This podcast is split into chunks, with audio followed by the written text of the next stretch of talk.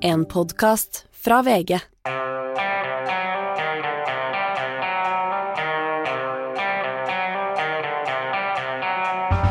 Ikke visste jeg at alle disse dagene som kom og gikk, de var selve uke 45.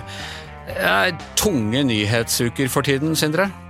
Det er det, fra alle kanter. Ja. Verden er usikker, økonomien er usikker. Ja, Og så er det også sånn at liksom uansett Man leter jo alltid etter glimt av håp. Vi hadde deg her for noen uker siden, så var det sånn ja, men nå har i hvert fall inflasjonen stabilisert seg, og øh, rentehevingen ble utsatt, og liksom kan vi tro at vi har nådd det verste der?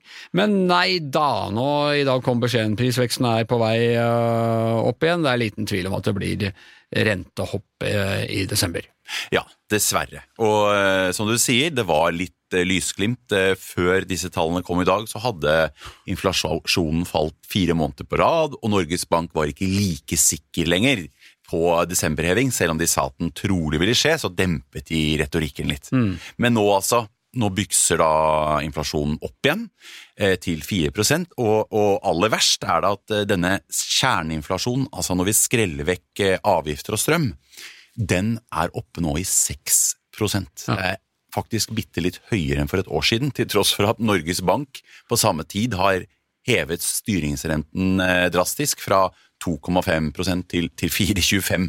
Så dette forteller jo litt om at det som virkelig driver prisene, og det som Norges Bank bryr seg om, det eh, er veldig høyt og, og guffent høyt fortsatt, og langt over, skyhøyt over inflasjonsmålet på 2 Og altså når eh, og krona da eh, svekker seg, og det merker man hvis man skal bestille et eller annet fra, fra eh, utlandet, betyr det at det går liksom litt bedre andre steder? Bare at det går ekstra ille i Norge for tiden?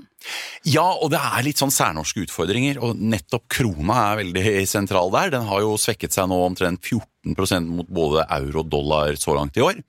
Og er det noe vi kan være trygge på da, så er det at importert prisstigning framover i tid, vårkolleksjonen i butikken f.eks., blir litt dyrere enn eh, ellers. Og da drar jo vi med oss en særnorsk eh, inflasjon.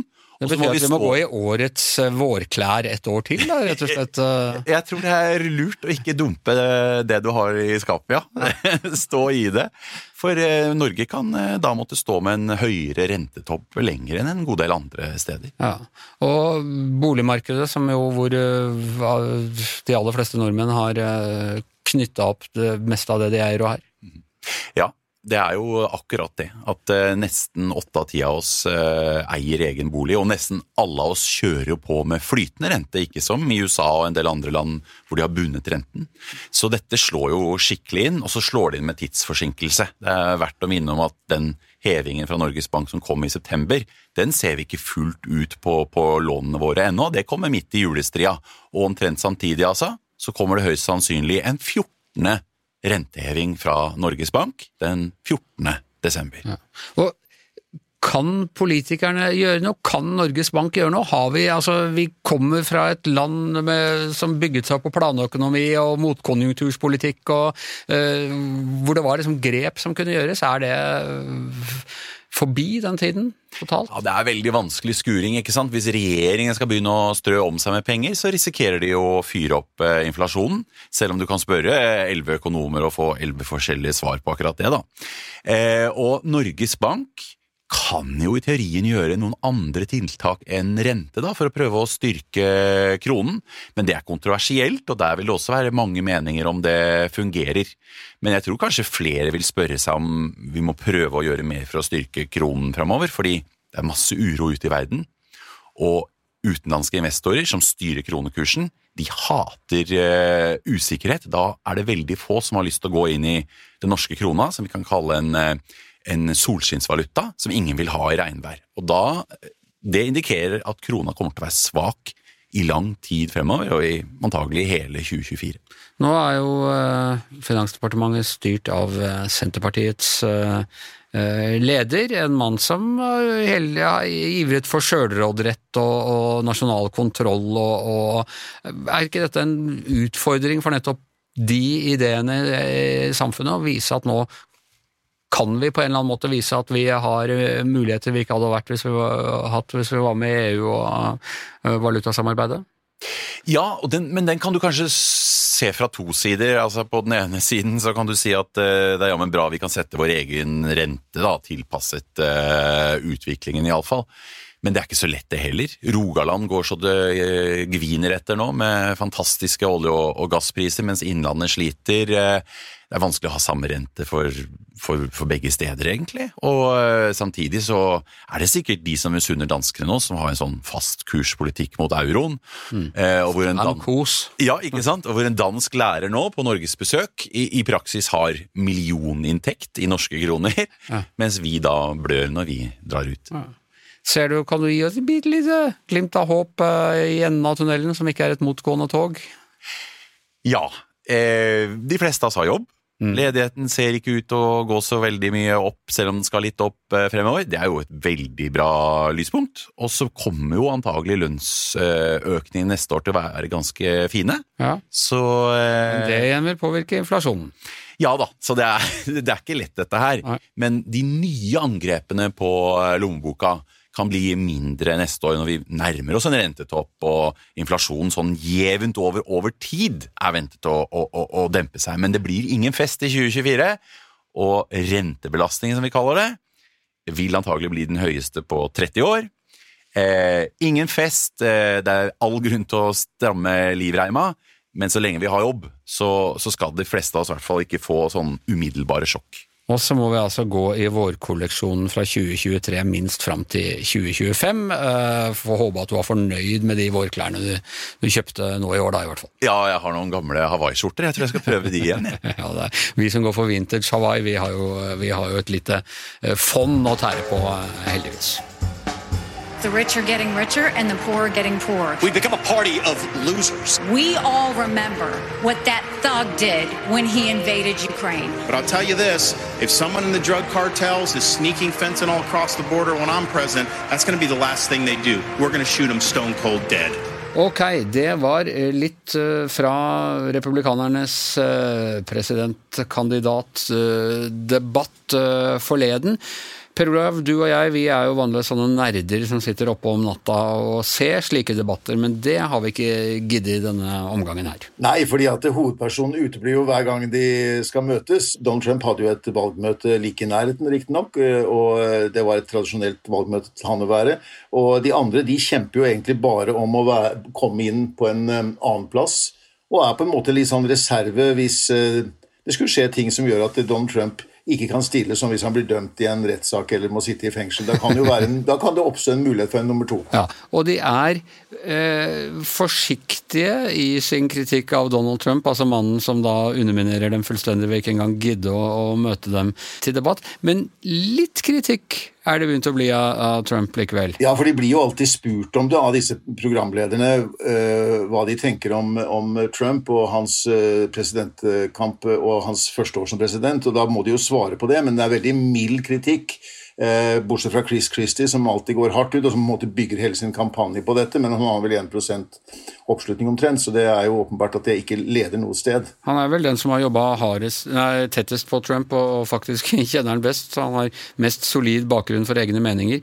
Men uansett, altså, vi snakket om det her i går på, på morgenmøtet. Det som jo er interessant med disse debattene, er at, og grunnen kanskje til at de også er såpass forsiktige, er at dette kan fungere som en audition for hvem som skal bli Bush sin visepresidentkandidat. For det blir neppe Mike Pence i år. Eller neste år. Det gjør det helt sikkert ikke, og Mike Pence har jo selv prøvd seg som presidentkandidat, men har gitt opp det forsøket. Eh, Jeg tror nok det er riktig for noen av disse kandidatene, og den som vel går mest eh, sterkest inn for det, og som en sånn audition, det er vel denne Vivek Ramaswamy, som jo forsøker å være den unge Trump, eh, og kanskje til og med overgå den unge Trump.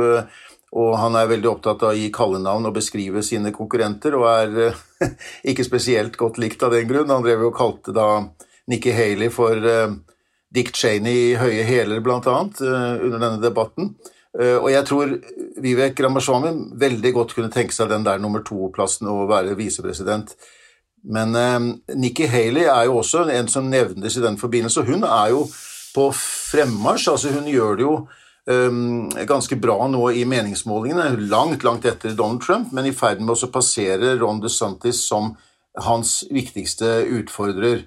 Um, og dermed så kan Nikki Haley posisjonere seg slik at hvis Donald Trump må gå i fengsel, så kan hun være den som uh, kommer inn. Ja, det er litt av en måte å, å bli president eh, på, i så fall. Det er sånn første siden Gerald Ford, det er i så fall. Vi står foran et valgår hvor absolutt alt er mulig. Det er en kandidat som er tiltalt i fire straffesaker, og da kan man jo ikke på en måte se bort fra den, eh, den muligheten også. Eh, så, så, men jeg tror akkurat nå er det ganske mye ondt blod mellom Nikki Haley og Donald Trump, for Nikki Haley har faktisk vært ganske tydelig og klar i sin kritikk av Donald Trump. Så hvis hun skal bli en visepresidentkandidat Hun var jo, som vi husker, hans FN-ambassadør og var en medarbeider eh, i Det hvite hus eh, eh, for Trump. Men, men, skal det gå bra, så, de, så, så, vil de kreve ganske store De må bøye av begge to, tror jeg, og gå tilbake. Det har jo skjedd før med, i, i, forbindelse med at man velger ut visepresidenter fra de som man har konkurrert med i presidentvalgkampen.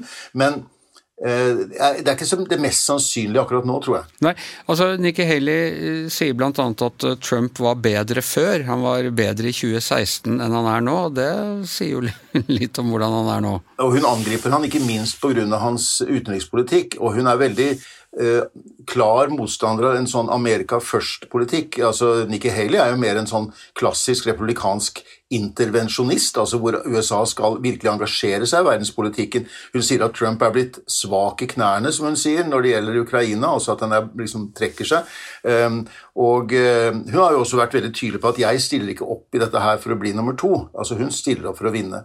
Ja. Men samtidig så har Trump sagt at han har sagt mange ting. Han har blitt spurt om dette med visepresident. Nå Sist uke så snakket han om at eh, ja, Tucker Carlson kan kanskje bli en bra visepresident. Det hadde vært kjempefint. Ja. Men det er jo sånn, sånn, typisk Han sier som en showman dette er som et dette er Apprentice om igjen. ikke sant? Du mm. vurderer mm. kandidater, og det er, det, det, er, det er bare sånn han sier for å få oppmerksomhet. Og han har sagt tidligere at han tenker på At han syns det er Han liker tanken på å ha en kvinne som visepresident. Det er nok fordi det også kan være politisk smart. Både republikanske parti og ikke minst Donald Trump har jo øh, hatt liten oppslutning blant kvinnelige velgere. Det er jo det som De har alltid gått til Demokratene, og i ganske stor grad øh, også under Biden. da. Sånn at uh, han trenger på en måte å appellere til kvinnelige velgere, og han ser nok da mot en del av de eh, lojale kvinnelige republikanske politikerne som, eh, som, vi har enten på delstatsnivå eller i Kongressen. Ja, sånn type Majorie Taylor Green, eller hva hun heter for noe? Hun som mener at det var eh, jødiske laservåpen som uh, forårsaket litt av hvert i USA? Ja, men hvis han er smart, og det må vi anta at han er når det gjelder akkurat den type sånne valg som dette, uh, altså strategiske politiske valg, så, han ikke, så tar, han en, tar han ikke en sånn som henne. Han vil heller ta en som er mer akseptabel for et bredere publikum. Og da tenker jeg på sånn som uh, Elise Stefanik, som er en kongressrepresentant fra New York, som har vært veldig lojal overfor Trump, men som Eh, som også har en noe større appell, og ikke minst kanskje en sånn som den republikanske guvernøren Kristi eh, Noem, eh, som jo er i Sør-Dakota, guvernør der. Hva med hun som på mange måter var, var Trumps Johannes døperen, altså Sarah Palin, som var visepresidentkandidaten til John McCain i 2008 da Obama valgte? Hun var jo egentlig den første sånn Trump-politikeren før Eh, Trump og har eh, drevet aktiv kampanjer eh, for han. og Hører lite om henne, men hun er jo fortsatt ung sammenligna med både Trump og Biden. Kunne hun vært aktuell, tror du? Nei, jeg, jeg, tror ikke det. Hun har jo ikke gjort det så godt. Hun prøvde jo å stille til valg i Alaska også, ikke sant, og gjorde det ikke og Trump liker ikke sånne som taper, taper valg. Da er de på en måte i unåde ganske fort. Det samme kan man jo da si om Carrie Lake, som, som også tapte valget i Arizona. Hun er også en veldig ivrig Trump-supporter og, og, fikk hans støtte osv., men det holdt ikke. Og, Han mente vel at valget ble stjålet fra Carrie Lake? Ja, som, som også valget ble stjålet fra ham selv, selvfølgelig. Mm. Mm. Og hun også lekte jo med den tanken at dette her var eh, juks og fanteri, men måtte jo gi seg på det etter å ha gått i noen søksmål, rettssaker osv. De er liksom ikke vinnere, disse her, og det er noe som Trump er veldig lite sans for. Så, men der kommer hun Kristin Owen, den norskættede kvinnen fra, fra South Dakota, inn uh, som et interessant navn, tenker jeg, da. Nei, det er helt klart at her må det en nordmann eh, til å ta grep. Skal det bli, skal det bli noe orden på, på USA og verden? Og selv visepresidentkandidatkampanjen kommer til å bli spennende å følge i dette valget her. Ja, det er det fine med dårlige tider for oss eh, som er journalister, at da bobler det godt i mediebobla. For uh, dårlige tider for verden, det er gode tider for oss, Gard Sterro. Det er dessverre ikke sånn. Er, jeg vil si at gode tider uh, for verden eh, også er egentlig gode tider for mediebransjen, fordi at det gir ofte bedre medieøkonomi. Ja, det gjør det selvfølgelig. Sånn det, men du, det var en litt tabloid forenkling. Ja, jeg skjønte, skjønte forenklingen. Men eh, dette har jo vært en uh, veldig interessant uke, syns jeg. Det er et alvor som preger oss med, med, med de forferdelige bildene og videoene fra Gaza men også en interessant uke som presseetisk. Ja, og For å ta tak i, i, eh, nettopp det, altså en av de store diskusjonene som vi hadde, vi har jo som jeg har fortalt før, så har, har vi et par-tre par, av og til hver eneste dag sånne møter i redaksjonen Eh, på formiddagen, hvor du gjennomgår litt forskjellige temaer. Noe sånn litt internt, eh, interne ting, og noen eh, litt større ting. Og nå hadde vi en diskusjon som var interessant for meg, her merker jeg at jeg begynner å bli eldre, en diskusjon om billedbruk fra Gaza. Hvor det åpenbart har kommet en del beskyldninger og kritikk av pressen fordi vi ikke kjører tøffe nok bilder. Og det pleide i min tid å være omvendt. Ja, Den kritikken har kommet litt i ettertid òg, vil jeg si. Men, eh, men eh, det, var en, vi, det, var en, diskusjon vi begynte med, hadde på mandag, og det var etter eh, helgen, bildene vi hadde brukt i helgen. For da, når du så de bildene vi valgte fra Gaza, så fikk jeg assosiasjoner til den der Operation Desert Storm. Altså da frigjøringen av Første Gulfkrigen. Første Gulfkrigen. Og hvis du husker det, så var så de bildene vi da viste, og de som gikk på CNN de var liksom krigstekniske bilder. Da fulgte man rakettene inn, og så var det med sånn kirurgisk presisjon. Påstand om kirurgisk Ja, sant? Og det jeg opplevde når jeg så bildebruken vår i helgen, det var at dette var røykskyer fra tak. Det var bilder av eh, soldater, det var bilder, litt bilder av ødelagte bygninger. Men jeg mener at vi da ikke viste skadene av, eh, av bombingen av Gaza. Og da hadde vi en diskusjon. Hvis vi ser bildebruken vår sånn overall, da, har vi klart å virkelig få fram uh, hvor grusomt det er? Og må vi vise flere og mer grafiske og mer grusomme bilder enn det vi har gjort til nå? For det er jo viktig at vi uh, Det er jo viktig at de som leser og følger dekningen, uh, forstår hvor forferdelig det er. Og fordi det har oppstått en ny situasjon siden eh, Gulfkrigen for da 30 år siden, og det er jo selvfølgelig at det nå spres det bilder eh, som angivelig er fra krigen i, i, på veldig mange andre steder, hvor det ikke helt er verifisert, men hvor også folk kan se bestialske ting. altså. Jeg vil si det to, Du har to utfordringer. Um, jeg har hatt noen interessante samtaler med flere interessante samtaler den siste uken med folk som har fulgt dekningen og satt seg inn i dekningen. Det er to, det er to store problemer. Det er at mediene kan ikke la seg styre av sosiale medier. Altså De redaktørstyrte mediene må ha sin, sin kvalitetskontroll og sin presseetikk i behold. Vi kan ikke fordi bilder eh, spres i sosiale medier si at det må vi gjøre. Men hvis det blir for stor opplevd forskjell på den virkeligheten som presenteres i sosiale medier og redaktørstyrte medier, så kan det være et problem for redaktørstyrte medier.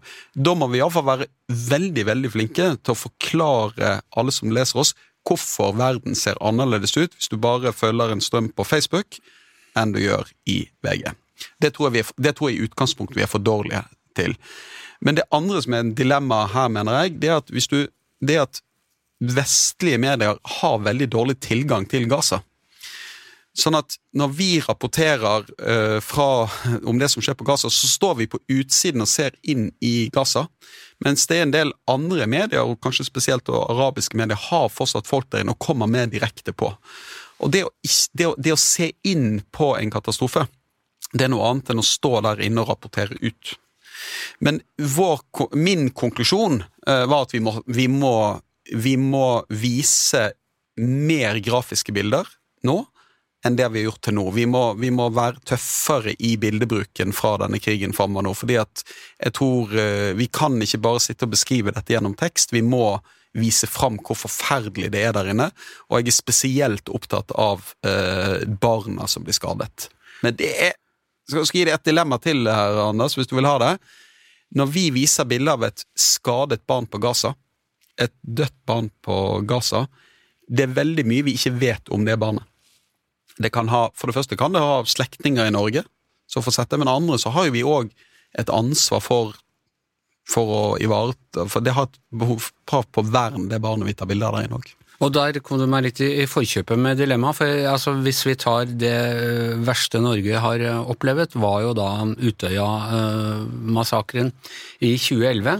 Der var norske medier veldig restriktive, og, og det var et eh, sterkt engasjement fra pårørende og etterlatte på at vi ikke skulle gå i noe nærbildefokus på resultatet av eh, den massakren. Det er så vidt man ser avstandsbilder med, med plagg og uh, at det ligger noen rundt. Eh, Noen svenske medier gikk mye tettere på. Og det var ikke så veldig kontroversielt uh, i Norge den gangen, fordi det er ganske opplagt når man er uh, nært på.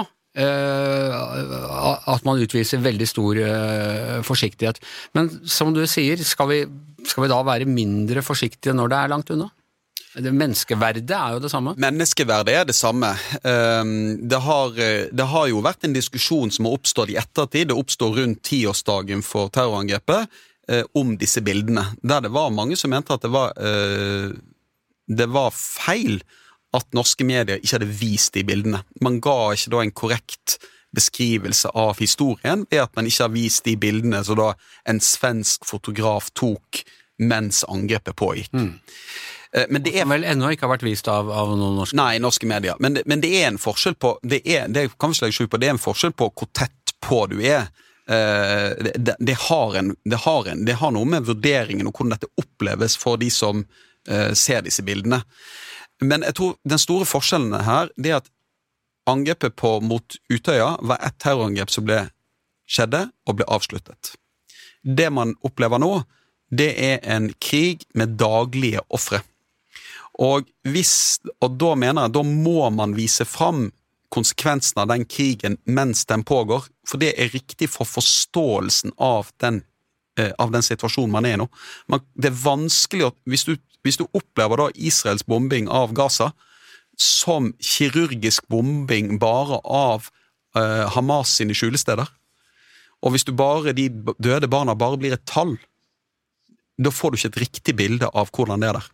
Hvordan tenker du dette i, i forhold til Hamas angrep på eh, Israel, som jo på mange måter er avsluttet, selv om de fortsetter å sende raketter? Der er jo, skal jo Jeg har sett et par bilder derfra som jeg nesten sånn angrer på at at jeg så, fordi de er så forferdelige. Ja, altså, jeg, jeg, jeg, jeg sitter og ser daglig nå på bilder fra Gaza, og jeg har sett bilder fra Israel, som eh, som jeg må si at jeg, jeg blir så sterk Det er så sterkt å se de bildene. Og jeg vet at en del av disse bildene kan vi bare ikke Det er feil av oss å vise det. Ikke sant? Altså, det er en del bilder, og det er ikke sånn at jeg sier at vi skal vise alt, men vi må, vi må vise mer.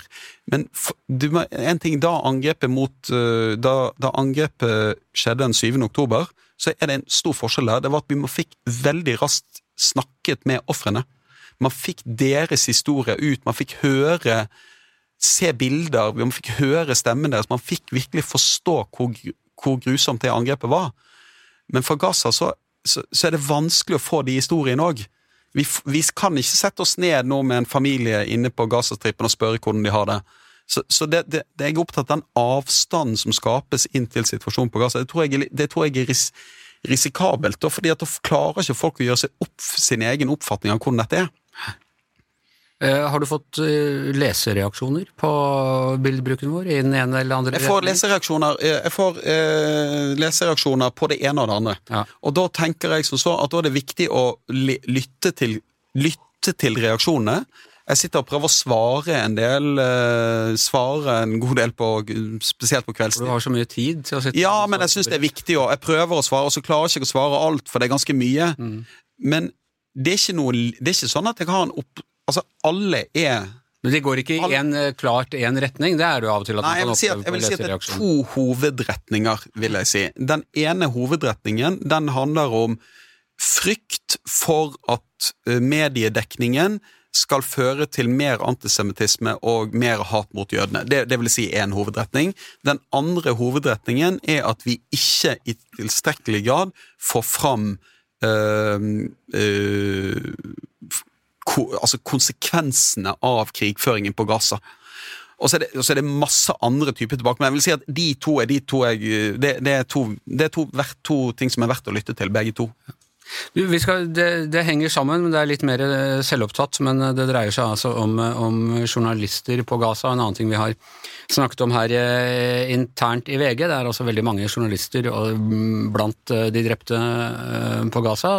Det vil si uvanlig høyt antall eh, journalister, i, eh, i hvert fall over så eh, kort tid. Det har gått ut et opprop eh, blant journalister om å Eh, ja, hvor man protesterer mot, eh, mot at journalister blir, blir drept, selvfølgelig.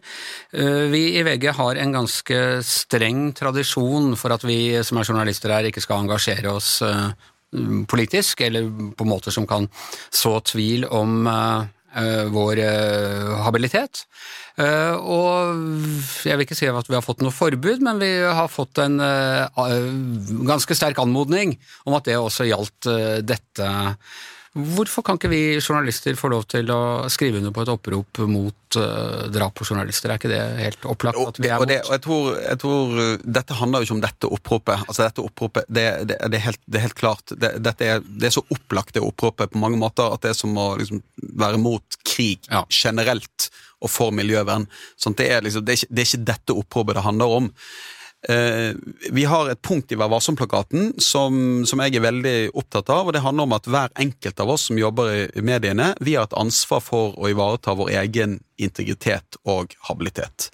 Eh, og det betyr at da, du, da har du et selvstendig ansvar som journalist for å ta vare på den.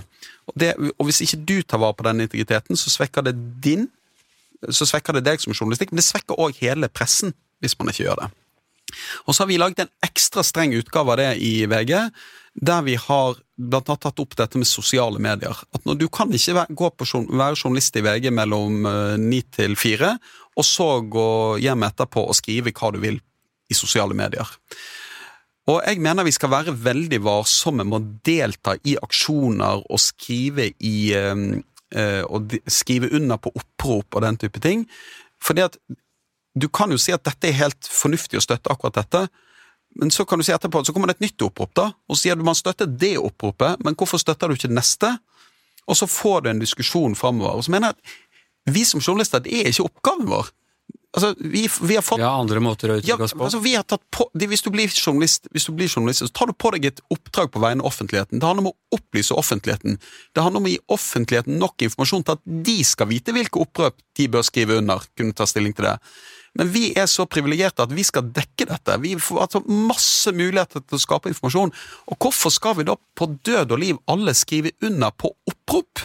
Så jeg, jeg, altså jeg har ikke noe imot dette oppropet. Jeg, det, jeg støtter jo det helt, det, i likhet med veldig mange opprop som går rundt omkring. Men jeg skjønner bare ikke hvorfor, hvorfor, det, hvorfor skal vi gjøre det, som har denne rollen der vi skal være objektive, og vi skal ta vare på vår integritet, og vi skal prøve for Guds skyld å gi folk informasjon. Men du, da fare for at du syns at jeg blir veldig pirkete, men hva med å like? For jeg ser at, jeg ser at av og til kollegaer går inn og liker ting de ikke, antagelig ikke kunne skrevet uten å komme i, hvert fall i en, en slags Ja, jeg, sy og jeg eh, kaller meg konservativ, altså, men jeg mener at uh, Jeg mener man skal være varsom. Jeg mener at du skal først og fremst tenke på hvordan dette påvirker deg som uh, Påvirker deg som journalist. Ja. Så å gå altså, et, Det er derfor vi har det regelverket. Det å like noe, det å endre bakgrunnsbildet sitt, alle disse tingene du gjør på sosiale medier, det kan eh, påvirke folks oppfatning av deg som journalist. Så mitt råd til alle journalister er eh, gjør minst mulig. Og så er det noen ganger det blir veldig vanskelig for folk, for de har en veldig sterk overbevisning sant, i en sak. Og, det, og da må vi ta en diskusjon om det. Sant? Og, så, og så har jeg respekt for det at for noen er det utrolig vanskelig å ikke være en del av noe, sant? for de er mennesker òg, men da kan det jo få konsekvenser for du, hva slags oppdrag du kan ta som journalist. da. Ja. Man kan jo også ta en diskusjon om hvor mye hjelper det at uh, jeg legger et ukrainsk flagg på, på profilbildet mitt når uh, Russland angriper Ukraina, selvfølgelig. Eh, nei, men, det, men det, du, det, du, kan si, da La oss, la oss nå si da at, uh, at, alle i VG gjorde dette. Mm. Uh, og så skulle vi da reise til Russland og prøve å intervjue russiske Prøve å snakke med noen fra Russland, da. Uh, altså, er det nødvendig å gjøre det? Altså, kan det påvirke? Det, det, altså vi, vi, er jo mennesker, vi skjønner jo altså Det er klart at når journalister blir drept på Gaza, jeg syns det er helt grusomt. Men hvis jeg nå får et nytt opprop, da, vil du underskrive dette oppropet òg fordi at det er masse barn Har du fått med deg disse barna som er drept på Gaza? Vil du underskrive det oppropet om å slutte å drepe barn på Gaza? Som tross alt er enda viktigere enn journalister? Kanskje. kanskje. Hvorfor undertegne Men du er mer opptatt av journalister enn disse mm. barna. Altså, du begynner å bevege deg ut i et landskap som er vanskelig å være i, og da er det enkleste å si at vi er journalister. Vår rolle er ikke å delta i opprop eller gå i demonstrasjonstog. Vår rolle er å gi dere informasjon. Vi er ikke noe uenige om, eh, om, eh, dette, Gard. Jeg må ta en siste ting også. Det har vært en ny runde med tildeling av det vi i gamle dager kalte pressestøtte, men som nå vel har skifta navn til mediestøtte. Mediestøtte, ja. Mm. Fordi det er ikke så mye presse igjen. Men uh, det er en del, og, og, det som er av trygt presse, er ofte Først, ta det helt klart. altså i VG mottar vi ikke mediestøtte, men vi har et momsfritak som. Du får det, vi, vi, vi, får ikke pressestøtte, det er fordi vi er store, og vi har jo en egen økonomi. Eh, men det, du, grunnen til at vi, men det man får, og det får jo alle, det er at, det, at man har ikke moms på abonnement, eh, og hvis du har selger aviser. Så du, du, så du har jo en støtte støtteordning til VG og til Dagbladet og til absolutt alle pga. Ja. det. Og da, det var, da, vi var store som papiravis, var det en eh, type ganske betydelig inntektsstøtte. Veldig, veldig, ja. veldig viktig for papir. men det gjelder alle forlag og, og, sånne ting. Men i hvert fall eh, to litt eh, mindre redaksjoner som fikk i år. Det ene var Filternyheter, vår gamle venn Harald Klungtveit, som, som har drevet der veldig sånn aktiv mot ekstremisme. Og det andre var Dokument.no, som kanskje ikke har vært så aktive mot rasisme, men som har andre kjepphester og mer sånn innvandring øh, og islamisering øh, og sånne ting. Og hva tenker du om at disse nå tas inn i det støttede selskap? Ja, det er jo litt morsomt, for eh, jeg tror eh, Jeg mener å huske at Filter Nyheter har klaget inn dokumenter for Pressens faglige utvalg flere ganger. Det, ja, Dokument.no har dømt ganske mange ja, står, jeg, jeg, tror de står veldig De står langt fra hverandre, både når det gjelder forståelse av presseetikk og synet på verden, kan ja. man si. Og, og, synet på hverandre òg. Det er vel eh, det er, Jeg tror ikke det er riktig å kalle de frenemies, disse to. Jeg tror de er, de er, nok, ja, de er nok rett og slett enemies. Jeg, jeg hvis du begynner å tenke på mediestøtte, og så tenker du at uh, det går, du er glad for at det går til den ene publikasjonen og ikke den andre, basert på hva du liker, da er mediestøtten død. Da må man legge den ned. Det er utrolig viktig at sånne støtteordninger er basert på kriterier som er fullt forståelige.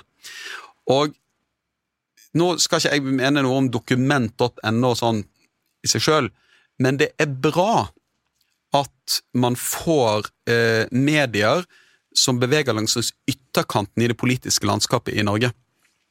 Det, det, er bra, for det bidrar til det mediemangfoldet. Eh, og jeg tror at hvis ikke du har den type eh, medier i Norge, så er det egnet liksom, til å gjøre samfunnsdebatten litt smalere. Og, eh, og at det får en da, da, vil bare dette skje i sosiale medier uansett. Så så lenge dokument og filter oppfyller kriteriene, til å få mediestøtte, så det er helt riktig at de får det. Og da kan det ikke sitte noen på et eh, kontor i Oslo, som vi sier der jeg kommer fra, og bestemme at sånn skal det ikke være. basert på smak og behag. Du sitter på et kontor i Oslo sjæl. Ja, jeg vet det, men jeg har bare jeg glemmer det av og til. Et av de finere kontorene òg, vil jeg si. Du, eh, men hvordan, hvordan, ser du på mediestøtten generelt? Altså, Den oppsto liksom på 70-tallet, og da tror jeg noe av den politiske argumentasjonen var at noen, altså annet arbeiderpressen og sånne ting, led under krigen, og Aftenposten og en del sånne fikk et overtak, og så har det vært eh, forskjellige begrunnelser opp gjennom mangfold og opprettholde to stemmer i lokalsamfunn og, og diverse, men nå, nå, ser jeg ikke helt en ideologisk Jeg har ikke sett noen framføre sånn ideologisk forsvar lenger, det er mer at man tilpasser den ny tid. Ja, det du kan si at har jo, Det har vært to veldig viktige funksjoner, da, eller tre. Det ene er at du har klart å få, det er en del lokalaviser med veldig presset økonomi som har klart å komme ut, som har vært helt avhengig av pressestøtten, så har det jo òg bidratt, når det bare var papiraviser, til at du fikk jo da monopolsituasjoner i de store byene. eh, Adresseavisen, Bergens Tidende, Stavanger Aftenblad og eh, Nordlys. Altså Hvis du var størst, så fikk, du så, så fikk du en uforholdsmessig stor andel av annonseinntektene i de byene. Så hvis du skulle ha et mediemangfold i store byene, så måtte du støtte nummer to-avisene, som vi kalte det.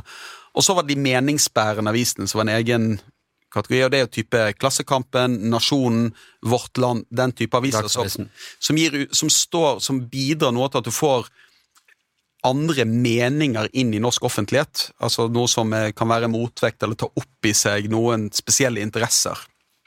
Så er jo denne pressestøtten nå, eller mediestøtten, etter min mening, eh, den, den kommer ikke til å stå seg over tid. Jeg mener at den kritikken mot den som jeg synes er riktig, den, sånn som den er i dag, i litt for stor grad eh, prøver å holde liv i en forretningsmodell som alle skjønner forsvinner på et eller annet vis. Og det er papiravisa du snakker om. Ja, papir, altså papirøkonomien, sant.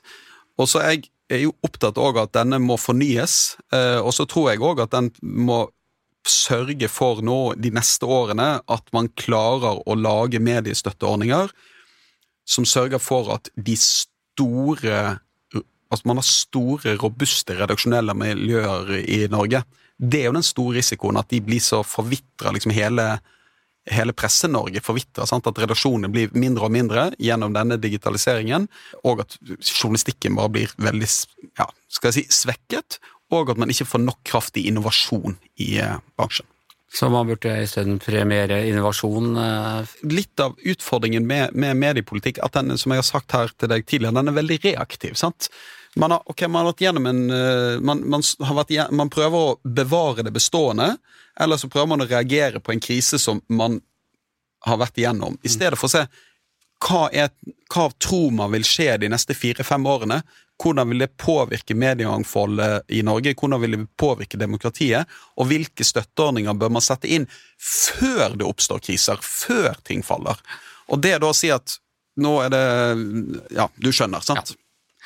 Jeg skjønner. Og apropos det, vi har revet deg ut av et møte i dag, ledergruppa i VG, hvor du får eh, presentert eh, noe som alle vi her i VG, og antagelig ingen utafor, er veldig opptatt av, nemlig noe som heter Fremtidens VG. Et forslag til hvordan vi skal møte alle disse nye utfordringene. Hva vil du røpe derfra her nå for åpen mikrofon? Det kan jeg røpe at all, det, det vi må slutte å gjøre, er å si sånn fremtidens og fortidens VG. For det at mediebransjen den er sånn nå at vi sitter, noe av det vi sitter i ledergruppen hele tiden, det er å prøve å forstå eh, hvordan, hvor går eh, mediebransjen framover. Og vi må endre oss og omorganisere oss hele tiden. Sånn, dette blir sånn Når vi sitter og diskuterer omorganisering, så vi har omorganisert masse i år, og vi omorganiserte i fjor, og vi kommer til å omorganisere oss hele tiden framover. Så dette er ikke noe større enn uh, Nei, jeg vil, jeg vil si at hvis du, altså, hvis du Hvis du ikke liker endring, så er jeg ikke sikker på om mediebransjen er riktig bransje for deg. Nei. Rett og slett fordi at vi, det, Og vi er ikke opp til oss. altså Hele, hele verden endrer seg så sykt fort at hvis vi kjenner oss, så, blir vi, så er vi ikke relevante, og da klarer vi ikke å oppfylle oppdraget vårt. Du, jeg går ut fra at du da skal bruke slagordet til en av dine forgjengere, Bernt Olufsen, hver gang det var forandringer? Ja, ja, eh, endring er verdens gang. Nemlig. Eh, og jeg vil si at nå er det blitt eh, Rask endring er verdens gang, tror jeg vi kan endre til. Ok, kanskje har vi endret oss totalt eh, når dere hører oss eh, neste uke. Vi er nemlig bare en slags flytende form av forandring eh, hele tiden. Tusen takk til Sindre Heyerdahl, Per Olav Ødegaard, Gard Sterro, Jeg heter Anders Giæver, og mannen som forandrer seg så mye at han ser helt annerledes ut nå enn da vi gikk inn i studio for en halvtime siden, er vår produsent Magne Antonsen. Du har hørt en podkast fra VG. Ansvarlig redaktør, Gard Steiro.